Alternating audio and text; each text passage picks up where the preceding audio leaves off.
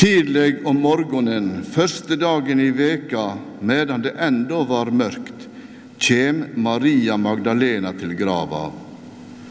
Da får hun sjå at steinen er teken bort fra grava. Hun spring av stad og kjem til Simon Peter og den andre læresveinen, han som Jesus hadde kjær, og sier til dei:" De har teke Herren ut av grava, og vi veit ikke hva de har lagt han. Da tok Peter og den andre læresveinen ut og kom til grava. De sprang sammen, men den andre læresveinen sprang fortere enn Peter og kom først til grava. Han bøgde seg inn og så linkleda som lå der, men han gikk ikke inn i grava. Simon Peter følgde etter, og han gikk inn. Han så linkleda som lå der, og duken som Jesus hadde hatt over hovedet. Den lå ikke sammen med linkleda, men sammenrulla på en stad for seg. Da gikk den andre læresveinen òg inn han som var kommet først til grava. Han såg og trudde.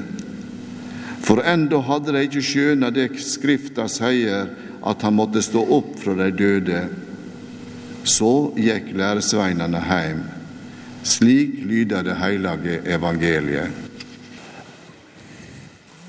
Tenk deg at du har en eh, sønn, kanskje en sønn i tenåra, og så dør den sønnen. Du hører av og til folk, folk fortelle om hvordan det er, og det virker helt ufattelig og vanskelig å ta inn over seg. Og En av tingene som skjer da, er at ting som før var litt sånn vanlige ting, blir plutselig nesten helt hellige for deg. Du kan se for deg at mora sant, går inn på gutterommet og alt der inne minner hun om sønnen sin. Altså, der er en sokk. Den sokken som jeg kjøpte til han i 2010 fra sånn og sånn og sånn. Husker du den dagen, liksom? Eh, og der er faktisk matbokser. De siste restene av det han spiste på skolen den dagen. Så plutselig så er bare en sånn ting som rommet blir kjempeviktig. Eh, for sønnen er vekk. Så, og alt du sitter igjen med, føles det som er disse minnene. Så det betyr veldig masse. Det er ikke sånn at du bare tenker å ja, nå har jeg et ledig rom i huset, jeg kan bare rydde vekk disse tingene og sette dem i en boks, og så kan dette være det nye gjesterommet. på en måte. Hvis du skal det, så er det en prosess som tar mange år. Men mange har påpeka at det skjer noe veldig rart med de første kristne i forhold til grava, som vi har lest om eh, nå. Der er ei dame som er teolog, som heter Cathy Keller, som sier at er ikke det superrart, egentlig, at de mister oversikta over hvor grava er? At her i denne teksten så vet de akkurat hvor de skal. Eh, Maria Magdalena, hvis dere ser på vers 1. Ferdig tidlig om morgenen, første dagen i veka mens det ennå er mørkt. Hun kan, hun kan, finne veien dit mens det er mørkt. For det, det er den plassen hun har tenkt på siden langfredag. Pga. sabbatsreglene så kunne ikke de komme dit eh, i går. Så i dag grytidlig, mens det fortsatt er mørkt, så finner hun eh, veien dit. Og finner at Jesus ikke er der. ikke sant? Hun ser at steinen er vekk, og så springer hun tilbake. Og da kan Johannes og Simon Peter springer dit. De vet akkurat hvor det er. Så går det noen år, og så virker det som om akkurat grava blir litt mindre interessant. Og Hvis du hopper langt fram i tid, Eh, så blir Konstantin kristen, og han blir veldig interessert i disse tingene her. Og mora hans har plutselig lyst til å fare sende folk til Jerusalem for å hente trapper der og flytte dem til Roma. Og eh, Konstantin har lyst til å vite akkurat hvor, hvor grava var, og så finner de ut av noe som Kan godt hende stemmer. Det står eh, gravkirka i dag og markerer plassen. Og det kan hende at det er en annen plass. For det har skjedd noe her, og dette er hun Cathy Keller sitt poeng. At hvis sønnen din ikke er død, og du går inn på gutterommet hans, så gjør du det med en helt annen tilnærming.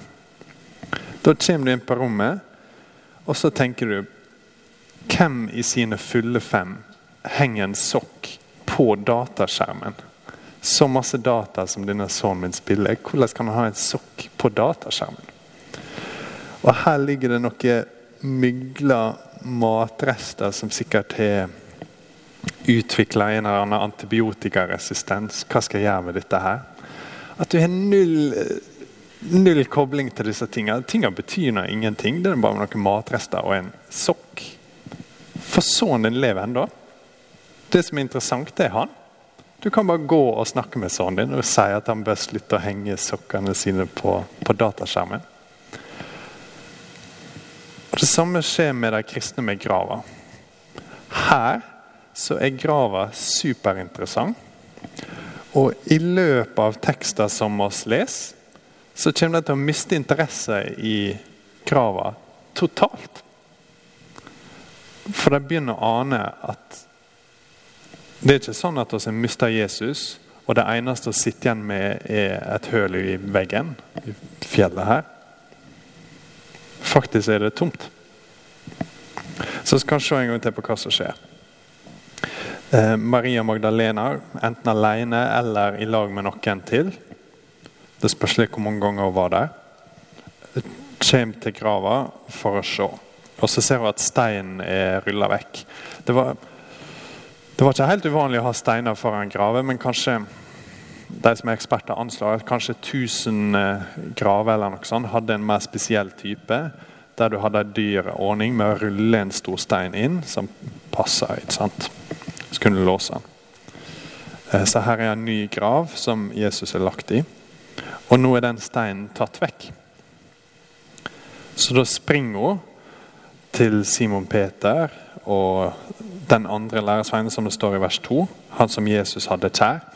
Gjennom Johannes evangeliet så forstår vi at det er Johannes sin måte å snakke om seg sjøl.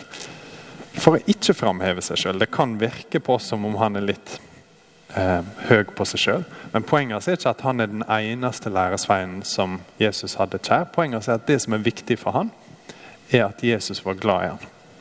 Så de to får høre dette. Eh, Maria Magdalena sier de har tatt Herren ut av grava, og vi vet ikke hvor de har lagt han. Eh, så det har vært litt mørkt, men hun har fått sett inn i grava og iallfall sett nok til at hun vet at Jesus ikke er der. Og hun vet ikke hvor han er. Så da er det noe litt finurlig vers, egentlig, vers 3. Da tok Peter og den andre læresveien ut og kom til grava. De sprang sammen, men den andre læresveien sprang fortere enn Peter og kom først til grava. Sannsynligvis bare fordi han hadde bedre kondisjon. Kanskje han er litt lettere, eller kanskje han er litt yngre. oss vet ikke, men Johannes sier iallfall det at han var den som kom først til grava av de elleve læresveinene. Men han våger ikke å gå inn. Han stopper opp eh, og står der ute. For du, du går nå ikke bare inn i ei grav uten videre. Med mindre du er Peter. Så Peter kommer Eh, og går inn i vers 6. Og Han ser linklærne som ligger der, og duken som Jesus hadde hatt over hodet. Den lå ikke sammen med linklærne, men sammenrulla for seg sjøl. Så Det må være ganske spesielt for han å komme inn, inn der. Og tenke gjerne på ei grav som noe som lukter litt stramt, kanskje, og det er mørkt der. og kanskje kaldt. Men hvis du leser litt tidligere, så har Josef eh, fra Arimathea og Nikodemus De har sett helt vekk fra at de er folk med høy status og høy rang. så har de gjort en oppgave som vanligvis var reservert for kvinner. Og Det kan hende det er derfor noen av kvinnene kommer nå for å fikse arbeidet. Kanskje de tenker at de slurver litt. Og de har hatt med seg over 30 kilo salve som de har hatt på Jesus. Så sannsynligvis så lukter det kjempegodt der inne. Og så er det ikke sånn at tinga eh, som Jesus var kledd inn i, bare er slengt rundt. Linklærne ligger fint på plass. Og så er det han hadde på hodet, sammenrulla og lagt for seg. På en måte kan du si at Jesus har rydda på rommet sitt. For Og skal være litt forsiktig med å forestille oss ting som ikke står i Bibelen. Og vi vet ikke akkurat hvordan det var i de første øyeblikkene etter at han hadde stått opp. Men vi har et lite tegn her til at Jesus rett og slett har kost seg med å rydde litt etter seg. At han har tatt av seg det linkledet og lagt det der. Tatt av seg det hodeplagget, rulla det sammen og lagt det der. Tenk hvor ubeskrivelig fornøyd han må være. At på det tidspunktet så er det ingen som aner noe. At han har stått opp fra de døde. At han har utført akkurat det han sa han skulle. Han er dødd for våre synder og for alle syndene til de som tror på han så har han stått opp tidlig den tredje dagen. og Det er ingen som vet det. Så han koser seg med å legge hodeplagget litt der og på en måte ordne, gjøre det klart til at folk skal få komme og oppdage det. Så veit jeg ikke. Kanskje hadde han en engel som gjorde dette for han, men iallfall så kommer de inn og ser dette. Og når de ser det, så mister de interesse i grava sånn. At Først så kommer eh, Peter inn, ikke sant? og han ser det. Og vers 8. Da gikk den andre læresveien, Johannes, inn. Han som var kommet først til grava. Han så og trodde. Gjennom hele Johannes-evangeliet, nå er vi i kapittel 20 av 21, og gjennom hele Johannes-evangeliet så er det folk hele tida som begynner å tro, og så viser det seg at den trua kanskje er veldig liten eller veldig svak og varer ganske kort. Eller at noen tror på han, men så sier Jesus at den trua som du har, den er ikke så veldig eh, tess. Og så viser det seg at senere så vil ikke ha noe med Jesus å gjøre i det hele tatt. Men her så er det gått mange år for Johannes. Han har vært tett på Jesus så kommer han til grava nå, sikkert så fortvila som han har vært. Så han sprenger dit, og så ser han, og så tror han. Og Det hadde gått an å tenke at det eneste han tror på, er det Maria Magdalena sier, at noen har tatt ham vekk. Hadde ikke det vært for at Johannes har skrevet hele boka si om dette. Folk som møter Jesus, og som begynner å tro. Og Her er hans punkt. Her ser han det, og så tror han. Det betyr ikke at han forstår alt. og Han skriver det sjøl også.